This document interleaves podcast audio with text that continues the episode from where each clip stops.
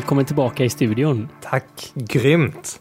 Det känns eh, sjukt roligt. Det är ju lite längre tid sedan vi var här förra gången nu. Det här känns nästan overkligt faktiskt. Det, det, var inte kul för onsdagen ska jag ärligt säga. Det är ju av en god anledning. Ja, men eh, vi behövde ju utrymme för inspiration, planering, träffa coola gäster och alla de här bitarna. Men det kom ju, det svällde ju verkligen över senast när onsdag kom och vad ska man säga, den här tomhetskänslan och man fick sms och du ringde mig. Och okej, det är massa som messar och undrar när avsnittet kommer. Nej, så vi har gått över till, eh, till två veckors uh, intervall. Och det verkar ju som du har fått eh, skit mycket tid över. Du kom ju här idag och berättade för mig att du hade haft en jättelång 9,5 minuters lunch. Ja, precis, precis. Men varför ödsla, ödsla tid på lunch när man kan jobba? Du kanske ska skriva en bok om det.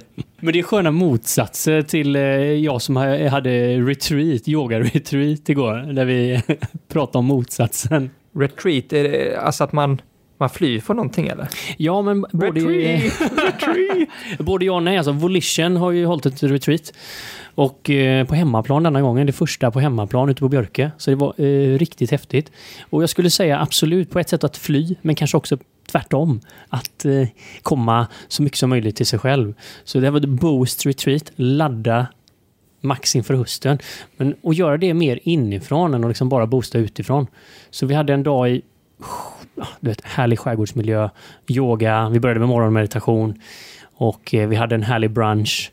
Och eh, sen så tittar vi på olika nycklar och tekniker, hur man ska komma åt den här kraften och liksom boosta sig själv inifrån. Ja, och du, du, det har hänt en hel del spännande grejer. Du har pratat om hackatonet som eh, ägde rum i Göteborg. Var det även andra delar av Sverige samtidigt? Eller? Ja, men det har varit en skithäftig helg. Alltså hackatonet Coding for Humanity. Det är ett initiativ som händer under Göteborgs Tech Week, Gbg Tech Week. Och eh, det går egentligen ut på att man sätter eh, ja, men, grymma människor, både kreativa människor men många som jobbar inom IT, alltså kodning på det ena eller andra sättet då, för att lösa några mänskliga problem. Vadå, att man inte kan swipa snabbare? Till exempel. Nej men vi fick då eh, vi gjorde tillsammans med en partner i Sri Lanka. Så ja, det kom fyra olika problem och det visade sig att det ena problemet var elefanter. Peace Park i, vid Sydafrika och Mosambik så ligger en stor nationalpark. Och det bor massa människor i den här också. Så det blir väldigt tråkiga konflikter mellan elefanter och människor när elefanterna ger sig in i byarna och framförallt då för att käka. ja men man får ju skydda sig själv. Man bygger, bygger byarna av massa mat. ja, nej men deras grödor odlingar, så det blir jättestora ekonomiska konsekvenser. Och sen blir det ju jättetråkiga konsekvenser. Att människor blir dödade ibland och elefanter blir skadade och sånt. Va? Så. så då ville de att man skulle i hackatonet här komma an de här grupperna och se om man kan lösa detta problemet på något smart sätt. Kanske med teknisk hjälp och med kommunikation och så vidare. Då. Ett verklighetsbaserat case med någonting som inte funkar. Där eh, man ger de här unga talangerna och grupperna möjlighet att faktiskt... Ah, ja, alltså som en bygga. extrem brainstorming. Då fick man 48 timmar på sig. Började på fredag kväll och skulle vara inlämnat på söndag eftermiddag. Och under den tiden fick man göra vad man ville för att lösa den här problematiken. Då. Det, här, det här är så grymt coolt. Och bara sloganen Coding for Humanity. Alltså, fan, är det här en gång om året? Kan man inte ha det varje helg? Ja, men det är så jädra fräckt och det kom supercoola människor och det är allt från liksom folk som är bara kreativt tänkande och det är UX-designers och det är backend-kodare och det är alltså mycket ett språk som jag eh, bara försöker förstå. Vi hade några liksom system som man skulle loggas in och kommunicera på. Det var bara så jävla high-tech liksom. så jag fick kämpa för att bara hänga med liksom. Men nu ska vi ta oss under ytan.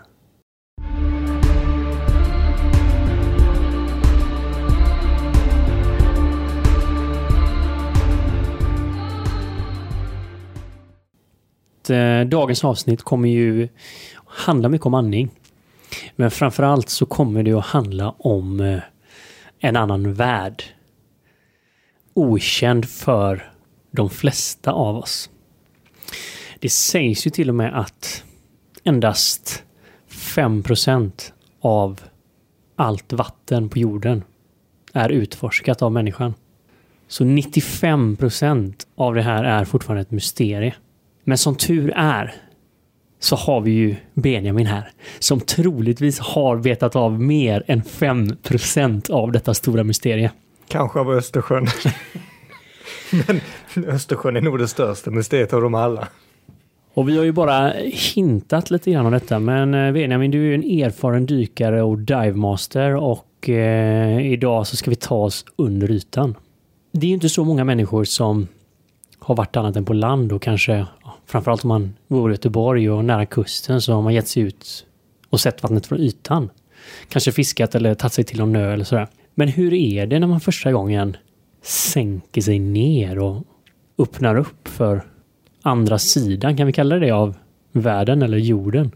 Det är ju nästan en, en utomjordisk erfarenhet. Det blir väldigt svårt att försöka komma tillbaka till när jag började dyka. Det, jag har alltid snorklat. Jag har varit privilegierad på så sätt att jag kunde vara med på semestrar även som, som liten.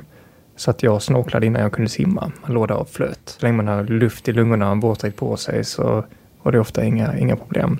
Så det har alltid varit någonting som har fascinerat mig. Jag var väldigt duktig under, under ytan eh, som liten. Jag kunde snorkla och dyka så att man tog distans från bassängkanten långt innan jag kunde simma. Jag var ganska sen faktiskt på att simma. Utan jag, jag gjorde det som så att jag tog ett andetag, sen så simmade jag under ytan, sen kom jag upp och tog ett andetag. Så att eh, på så sätt så klarade jag mig undan det att lära mig eh, vanlig bröstsim. Jag eh, simmar mycket på rygg istället. Så att komma tillbaka till vad du sa, hur känns det för första gången vara under vattnet? Det är jättesvårt att, att svara på. Någonting för mig har alltid attraherat mig att komma tillbaka. Och jag tror att det är nog olika upplevelser för många. Jag hjälpte till mycket under uh, dykutbildningar när jag var yngre. Ett sätt för mig att, att få dyka med. Och det var väldigt varierande upplevelser från personerna som var, var med, eleverna då. Var det mycket förstagångsdykare här då? Jo, men det var det. Generellt sett så känner, känner man sig säker om man tar en utbildning i Sverige. Då känner man att man kan prata svenska, man, det är nära in på hemmet och så här. Och det är ju jättepopulärt att ta dykarsäte utomlands. Men folk som kanske har lite större så här säkerhetsbehov eh, väljer att ta det hemma istället. Du menar det här att man eh, träffar instruktören i baren på kvällen och sen eh, strax innan man ska ut med liksom en joint i munnen och så ja, nu ska vi ut och dyka. Det finns säkert hur mycket sånt som helst, men även alltså barnfamiljer tror jag. Ja. Att man, man sitter där på tältet, vad ska man göra nu? Och så testar man på snorkling och sen är det någon som är övertygad till bara, men du, du ska inte med och andas under ytan istället. Det finns väl en bild av många oseriösa, ska vi säga thailändska dykarfilmer du eh, kan nog säga globalt. Det mest oseriösa jag varit med om är faktiskt i Australien. Mm. Det kanske inte är där man tänker sig, men det, de hade ju faktiskt jointat innan, bland annat, tror jag. Eh, det är faktiskt enda gången jag varit på, på dyk där eh, vi har en divemaster med som ska leda dyket som bara försvinner. Bara pop, och hon borta. Jävla propeller över hade hon. Men vi ska komma lite mer. För menar, det, det, finns ju en del av dig som utvecklat en struktur och en säkerhet. Och, eh, men du visade ju mig här din första förbandslåda innan och dina instruktioner för om någonting händer. Men jag tänker att innan vi ska titta på lite de här sakerna runt omkring så kan vi inte ta oss ner under ytan här. Kan du guida oss ner på ett dyk så att eh, vi alla kan få uppleva den här känslan att eh, sänka oss neråt mot det här viktlösa området någonstans där?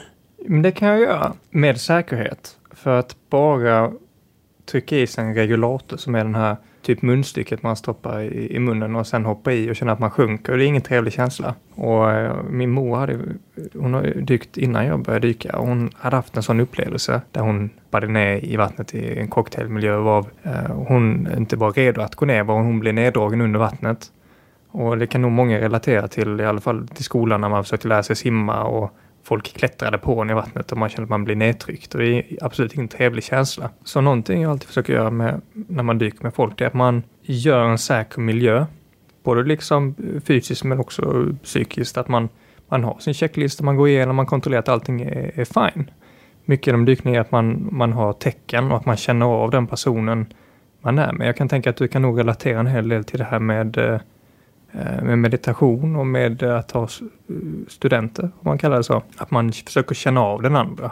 Ser man att det är någon som är på gränsen till att prata för mycket eller prata ingenting alls. Man ser att det är lite panik, då tar man väldigt lugnt.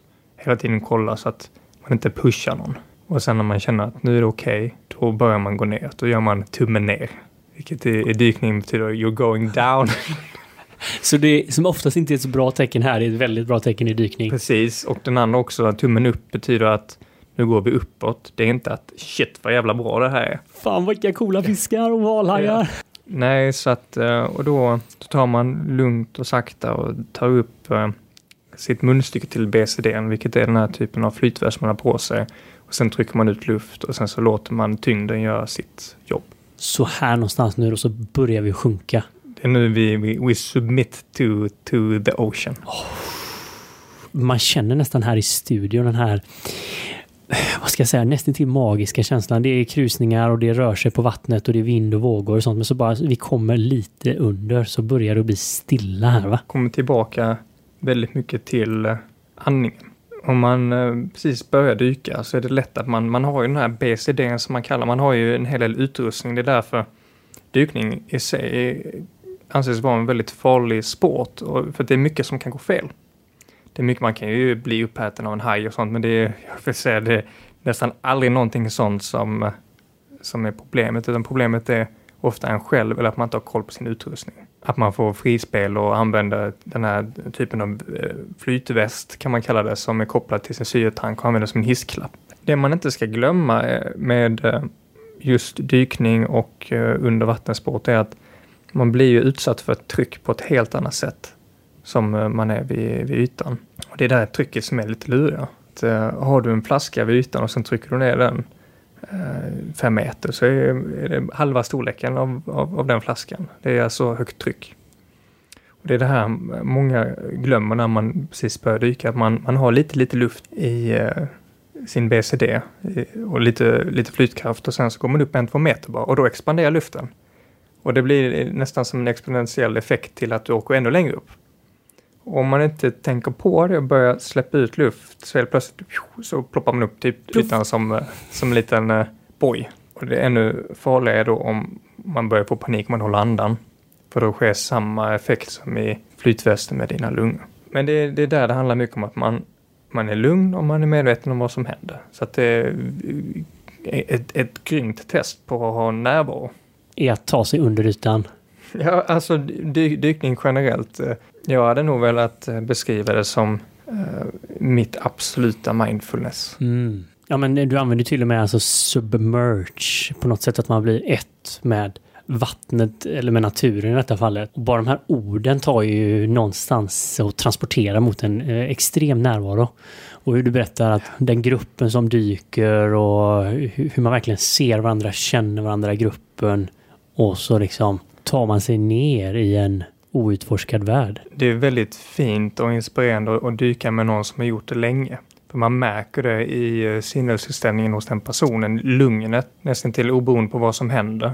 Det här med om man tappar du eller du har problem med masken, så hur de här lugna rörelserna och hur personen bara svävar i, i vattnet. Ja, för att det är så intressant det här du är inne på nu, att, att många, man tänker dykning och vattensporter och surfare kanske framförallt, så är det mycket action och kraft och muskler.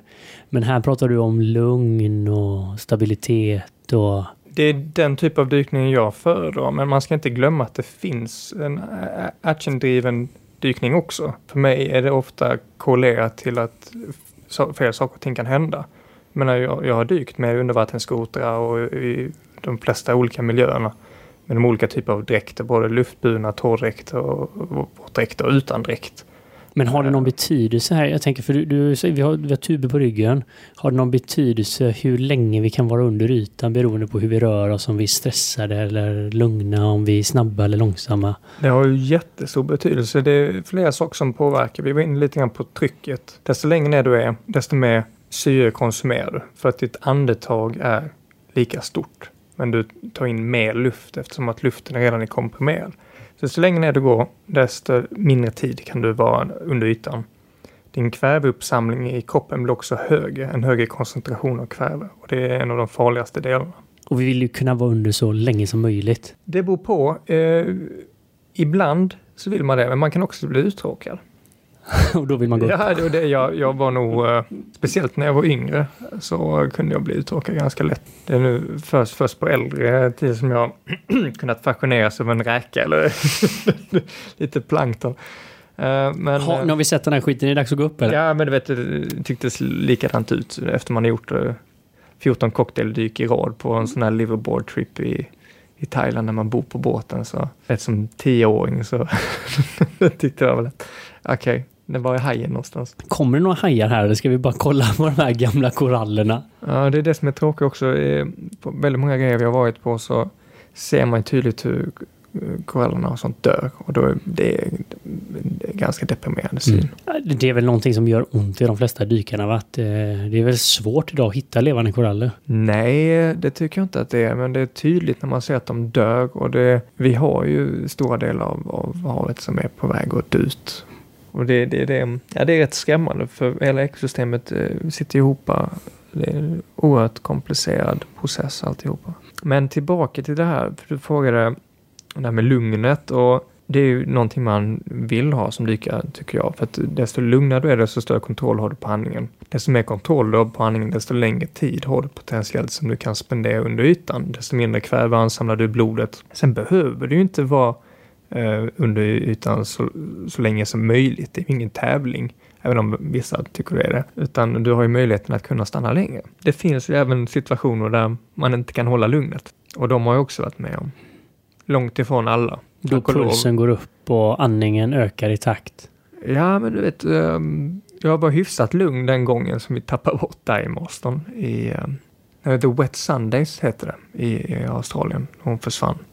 Så det är väl kanske regel nummer ett, eller att Diamaster får inte försvinna?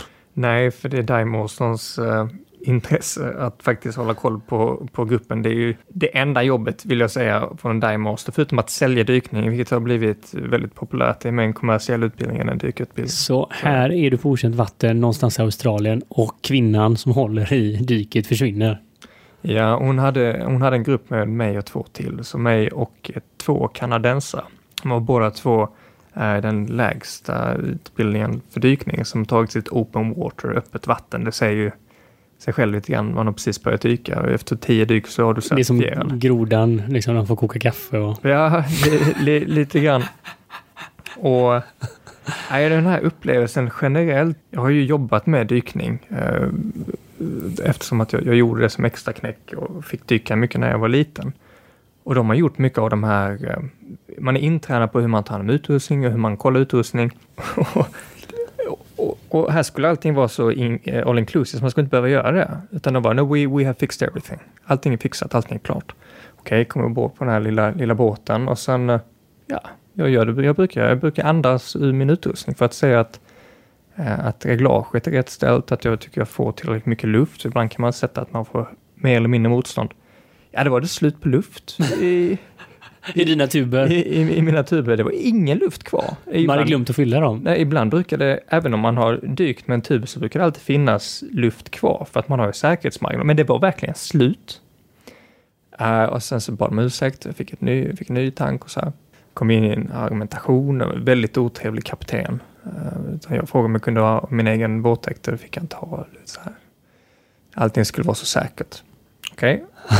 Eh, de har bytt, jag kollar luften, luften är okej, okay, vi gör säkerhetsrutin och så här och stoppar i. De har inte spänt min flaska tillräckligt mycket, vilket innebär att min flaska lossnar från mitt paket.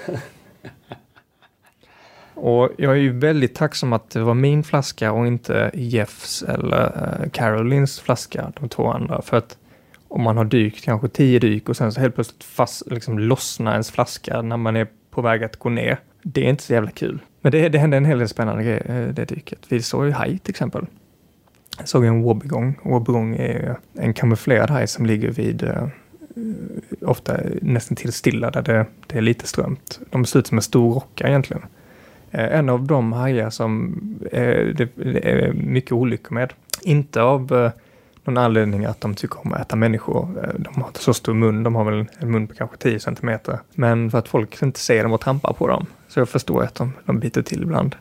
Men eh, den här Diemastern, hon eh, såg ju inget av det vi såg, sjöhästarna eller någonting, utan hon bara paddlade på. Sen försvann hon och ja, då fick vi göra som man ska göra. Vi fick samla ihop de andra två.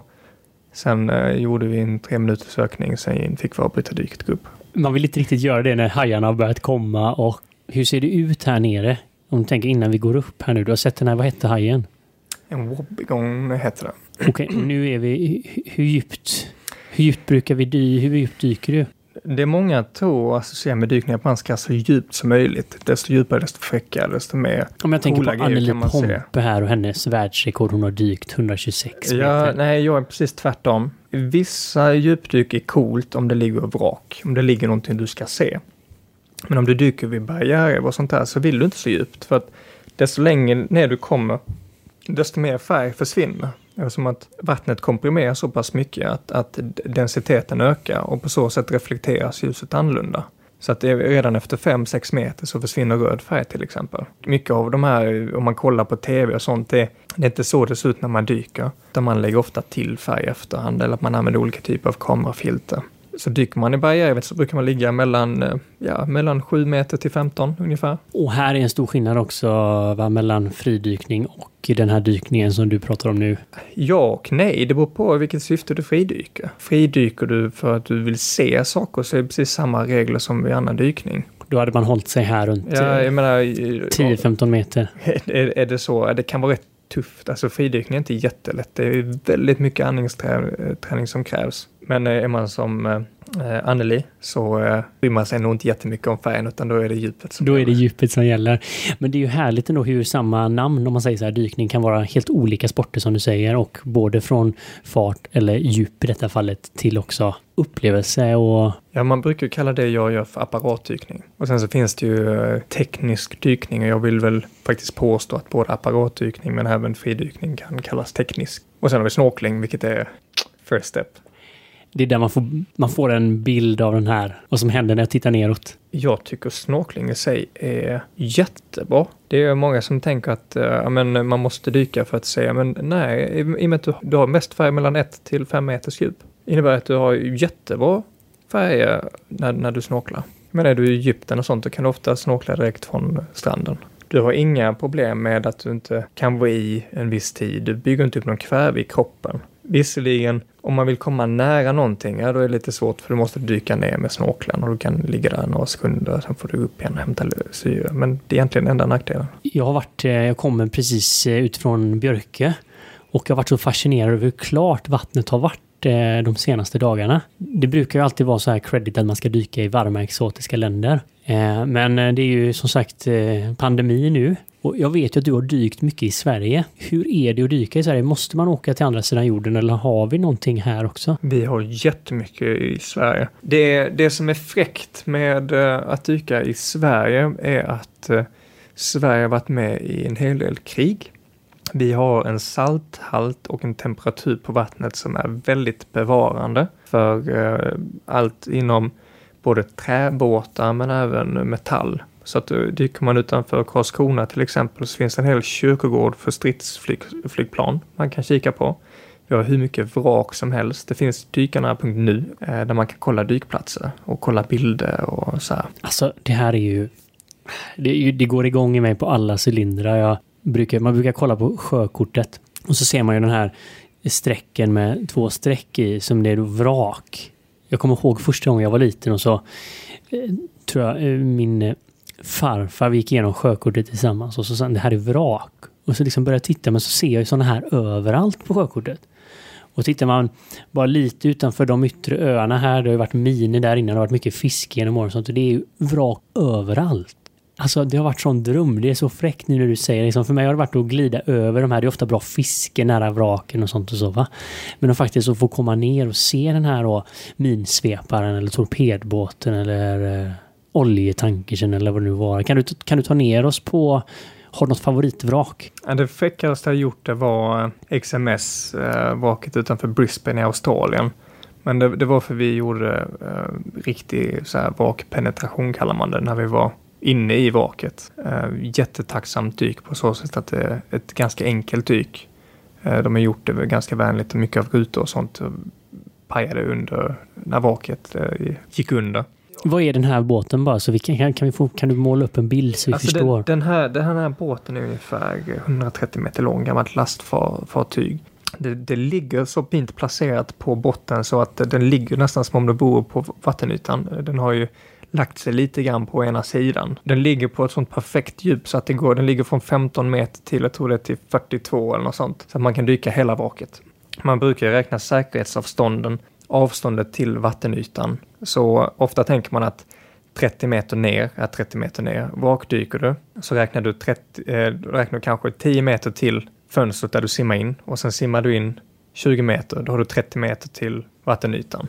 Ah, så då blir det liksom, man kommer inte så långt då, för då är man snabbt på 30 meter. Ja, det som är viktigt att, att, att tänka här, det är olika. Du har ett djup, djupet är ju 10 meter, men din distans till säkerhet om någonting händer är 30.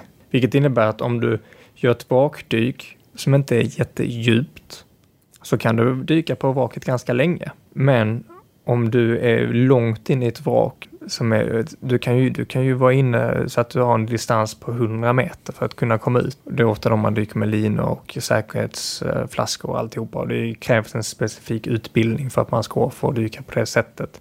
Men eh, då ska man vara jäkligt försiktig. Men det här är så fräckt alltså, för du, du går i en båt som har liksom bara gått under i ett ögonblick. Det är ju på sätt och vis inte en båt längre. Utan det är nästan som en sån här typ alien-miljö. Att man, man ser gamla rutor och jag tycker ju att det är spännande att försöka ta sig igenom på sådana här ställen där det är lite tajta. Allting är beväxt, så det är fisk precis överallt. Det kan komma ett helt stim med fisk mitt inne i vraket. Och jag rekommenderar också att man alltid har lampor med sig, även om man inte dyker vrak. För att du kan du fortfarande, du tillsätter ljus så att du kan se andra färger. Och det är rätt coolt när man är lite mörka platser, kortdykning eller vakdykning och man lyser runt och man, man kommunicerar med varandra och kolla här är gamla toaletter och här nere ser vi lastutrymmet och här har vi eh, styrcockpit. Men jag tänker att det måste vara på något sätt som du säger, det är en alien-miljö och samtidigt i huvudet så målar du upp, här gick, här satt de i mässen och åt och här är kaptenshytten och undrar vilka människor det var som var ombord. Jag tänker mig att det kommer upp en, en, att det blir en historia för dykaren också. Om vi pratar det här med att vara närvarande, fantisera hur mycket som helst, men nästan till eh, oberoende på vilket vrak du dyker på så har du ström inuti vraket. Så att det är någonting man hela tiden måste eh, bevaka. För eh, jag är ju väldigt mån om, när jag dyker försöker jag aldrig röra någonting. Och rör jag någonting så verkligen försöker jag identifiera vad jag ska röra för någonting. Är det en liten sten eller sånt så viftar man alltid och säger att det inte är en stonefish eller liknande. Men just vrak, i och med att ofta är det metall, man vill inte skära sig, stelkamp och sånt håller man sig gärna borta från och det är ofta vassa snäckskal och du kan ha stenfisk eller fisk du absolut inte vill röra så att de är så pass giftiga. Och har du då lite ström i vraket så får man vara extra försiktig. Så här är vi nu då inne i detta 130 meter långa vraket. 15 meter under ytan i Australien. Vi började där, sen gick vi lite djupare i, i vraket. En av de coolaste upplevelserna under det dyket, vi gjorde två dyk på det vraket, det var mitt i alltihopa hör man bara och då är det ju valsäsong. Och då blir man verkligen uppmärksammad att eh, vi är inte ensamma här. Wow! Vi såg inga valar under vattenytan. Vi såg dem ovanför, det är lite tydligare. Men vi definitivt hörde dem. Så de börjar snacka med er här nu? Ja, de sa väl vad fan är ni här? Ska ni komma här med stora metallfiskar? Grabbar, dags att dra. Det är absolut en rekommendation om om man tänker sig att, att dykning är snorkling fast med luft. Ja, man har på sätt och vis rätt. Men det är så mycket mer. Du sa i Sverige, vi kom in på vakdykning. Det finns så mycket coola dykningar. Är man intresserad av grottdykning eller sjödykning kan man göra jättefräcka dyk i, i Sverige. Man kan göra vakdykning också när man dyker under is. Det kan man ju inte göra i Thailand direkt. Och det är en helt uh, utomjordisk upplevelse också. Jag har ju sett det. Du har ju visat mig en gång en upp och ner på en bild. Såg ut som vid första anblick. Tills att du... Eh, kan du förklara den här eh, bilden? Ja, men det, det finns en sån här grej att de kallar att man, går upp och ner. Och jag tror att ett gäng finska dykare som gjort en sketch, jag tror den finns på, på Youtube, som är himla kul. Och de leker ju bara med luft. När man gör kalla dykningar så dyker man med torrdräkt och torrdräkten är som det låter, du är torr inuti och du, du bygger dig själv som en termos på så sätt att du har en, en lufthinna mellan dig och dräkten och på så sätt bibehåller du värmen. Eh, och så har du ju då kläd under ett underställ. Vad man kan göra då är att eh, man, man dyker i sin vak. Då har man tagit en motorsåg och sågat upp en triangel i isen och tagit bort isen. Sen hoppar man i. Och fyller man då den här torrdräkten med lite luft och sen så lägger man sig upp och ner och fyller på mer. Då kommer all luft lägga sig i fötterna. Och eftersom att du, du blir tung på överkroppen så kan du på så sätt gå under isen. Och de här finska killarna, de har ju med sig en skottkärra och massa olika grejer.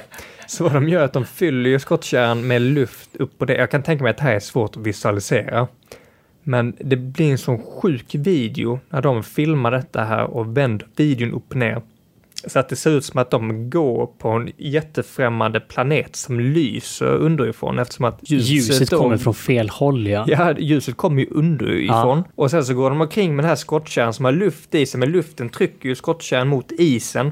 Och sen så går de fram till vaken och sen så häller de ut luften. Ja, det, det, jag rekommenderar alla att kolla på den. Den är jätte, den är hysteriskt rolig faktiskt. Så när du dök under isen här i Luleå så var det för att försöka göra en svensk utmaning eller? Jag kan ju säga så här, det var ju en grej på bucketlisten och på något ställe i världen gå upp och ner. Den här åka till Australien. Jag hade ingen skottkärra med mig, men jag fick i alla fall testa att kravla och gå upp och ner. Skitsvårt att hålla balans, man går ju på is. Men det, det, var, det var faktiskt jättekul. Men man, man hör ju hur du pratar om detta som det här är helt naturligt. Men någonstans under ytan så kan man flippa på alla naturlagar. Du kan gå upp och ner och du kan sväva helt fritt, viktlöst. Jag har inte tänkt på det på det sättet. Eh, Jag har fått många som har beskrivit det för mig som har börjat dyka på lite äldre dag att shit, det är ju så här måste det kännas som i rymden. Det är ju sant så vitt jag kan Ja, men du måste ju upp i NASA för att kunna sväva helt fritt. Som du gör. Alltså, vad, vad har du Jo, buoyancy men, vid? men Ja. na, eh, det NASA gör när de tränar astronauter är att träna dem i tankar. Mm. Så de, de utnyttjar sig av vatten för att träna den här tyngdlös, eh, tyngdlösheten. Det var rätt kul för man, man gör ju så här att man, man tar sitt dykarcert och så kan man ta en hel del olika utbildningar man vill. Det finns utbildningar inom allt, vakdykning, djupdykning, teknisk dykning. Eh, Jag har tagit en kurs inom eh, andningsteknik under dykning för att minimera luft. Det finns hur mycket som helst. Men eh, om Detta man... är ju så spännande. Får, får vi hålla där en gång bara? För det här är så... Nej, men nu får, nu får du vänta lite, för det jag vill komma till är det här med att känna som om det, det är en annan planet. Har man inte dykt på, på en viss tid så ska man göra refresh dive. Och jag gjorde ett sånt. Den här divemastern som jag eh, gjorde det här med, eller utbildaren, var oerhört rolig att dyka med. Jag får inte med massa leksaker. Saker som man liksom aldrig hade tänkt på man kan göra när man dyker. Så vi kastade frisbee under vattnet. Allting var ju som extrem slow motion. Och det var verkligen en sån här mind twister på riktigt. Kasta bollar till varandra. Om det är så mm. Man kan göra hur mycket som helst. Det finns jättekola grejer så länge man är, är öppen till det. Nu kan vi gå tillbaka till... Nej, men jag eh, alltså, tycker jag fick den här bilden framför mig. Bara. För, för vi pratar ju som om, om det här är en annan värld, men det är ju också samma värld. Mm, Du är bara lite lägre och helt plötsligt så kastar du bollar och det går långsamt och allting beter sig annorlunda. Och kanske de flesta på jorden, höll jag på att säga, men de flesta arterna är väl under ytan. De är ju alltid där. Så kommer vi på besök en liten stund. Jag, jag höll på att säga, jag vet inte om bakterier är i och för sig, men det är de nog fan med dem också. Klart med det. Jag tror du har helt rätt i att, inte för att vara sån, men eh, även om vi redan nu antar att flest arter finns under vattnet, så är det så mycket, vad sa du, 95 procent som är outforskat. Ah, Alltså, det här får ju mig att gå igång på alla cylindrar. Man tänker nu när vi någonstans, alla av oss kan resa så mycket och varit på många delar av världen och sånt så, så är det alltså fortfarande 95% okänt av den här ytan du beskriver nu. Alltså vad finns där? Det finns nog få ställen som under vattnet som har så mycket myter och legender tror jag. Det finns det här, det här mystiska, okända med, med vattnet. Samtidigt det här farliga och vi, vi tänker ju inte på det idag som man, som man gjorde förr. Förr hade man nog en helt annan respekt för havet. Menar, herregud, fiskare och eh, både sjömän och vikingar, eh, det var ju många som inte ens kunde simma. Det innebar ju vatten är död. Men man behöver inte komma mer eh, längre ner än till Göteborgs hamn så står ju eh, sjöjungfrun, höll jag på att säga, men sjöhustrun va? Vad heter statyn? Jag tror det var sjöjungfru du pratade om. Ena utesluter inte det andra. Men vid Sjöfartsmuseet så står ju den här kvinnan och tittar ut över havet. Och det symboliserar ju precis, precis detta du säger att eh, alla som gick till havs kom ju inte hem. Jag vet, eh, min mamma hon brukar alltid påminna om det här att havet tar och havet ger. Och det är just den här kraften på något sätt som tillsammans med det här mystiska. Ja, man, man är ju uteslutande i naturens element och det tråkiga eh, som jag eh, tänker på där när du sa det att havet ger och havet tar. Eh, ja, men vad i fan gör människan då? Vi tar. Hur mycket ger vi till havet? Den är tråkig.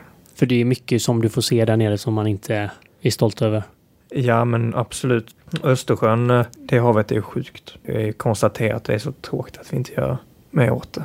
Benjamin, om man nu vill börja dyka, även i dessa tider när det inte är lika lätt att flyga, hur går man tillväga? Man går in på Google och så söker man på dykning och den stad man är i. Och så tar man första bästa träff och så ringer man det numret. Vi har en fantastisk Eh, diving community i Sverige. Vi har ju pratat lite grann om ideella organisationer tidigare och jag var med, eh, inte under lång tid, för jag flyttade tyvärr ifrån Luleå och det här communityt. Men det finns ehm, um, DK Polar till exempel. Eh, en av de roligaste ideella föreningar jag varit med om. Det var där jag gjorde isdykningen också. Fantastiska människor. Eh, dykning är ett väldigt fint community, det tycker jag. Oberoende på var man dyker någonstans i världen så på något sätt så har man alltid dykningen gemensamt. Man har det där lugnet, speciellt med erfarna dykare, folk som har varit under vattnet länge. Kontrollera sin kropp till minsta rörelse. Så uh, om man vill ta tag i dykningen, vilket jag tycker alla borde göra. Man kan alltså göra... det ju, står ju typ på allas bucket list känns det som, men det är få som kommer till skott. De flesta har väl bucket list dyka i Karibien eller på Maldiverna. Kanske inte dyka på Vanningebadet i uh, Vellinge. Det är väl där man utmanar sig själv lite grann. Att du har ju samma känsla men inte samma upplevelse. Rekommendationen är, ska man iväg någonstans tropiskt nu om den här pandemin vill ge sig snart. Men istället för att tillbringa tiden på semestern genom att plugga och göra prov och kursdykningar så tycker jag det är bättre investerat att ha gjort det hemma innan. Där man kan fokusera på det och sen så när man kommer ut så tar man en liverboard trip genom att man drar iväg två till tre nätter, om inte en hel vecka. Det beror på hur pass dedikerad man vill. Man vill kanske göra andra saker på semestern också. Och så bor man ombord, åker ut, till de här större sevärdheterna där det inte är fullt med turister och man är nästan själv med havet. Man kommer ut till de här riktigt coola platserna där det finns eh, hur många sevärdheter som helst. Ja, men jag är såld. När, eh, när kan man boka in sig? Det är alltid. Man kan dyka året runt. Man kan dyka precis överallt runt om i hela jorden och den enda kontinent jag inte dyker på det är nog Antarktis tror jag. Men man måste inte så långt för att få fantastiska dyk och det är väl det jag vill avsluta med idag. Att det finns så mycket så nära inpå på. Så det är bara att utforska hemma.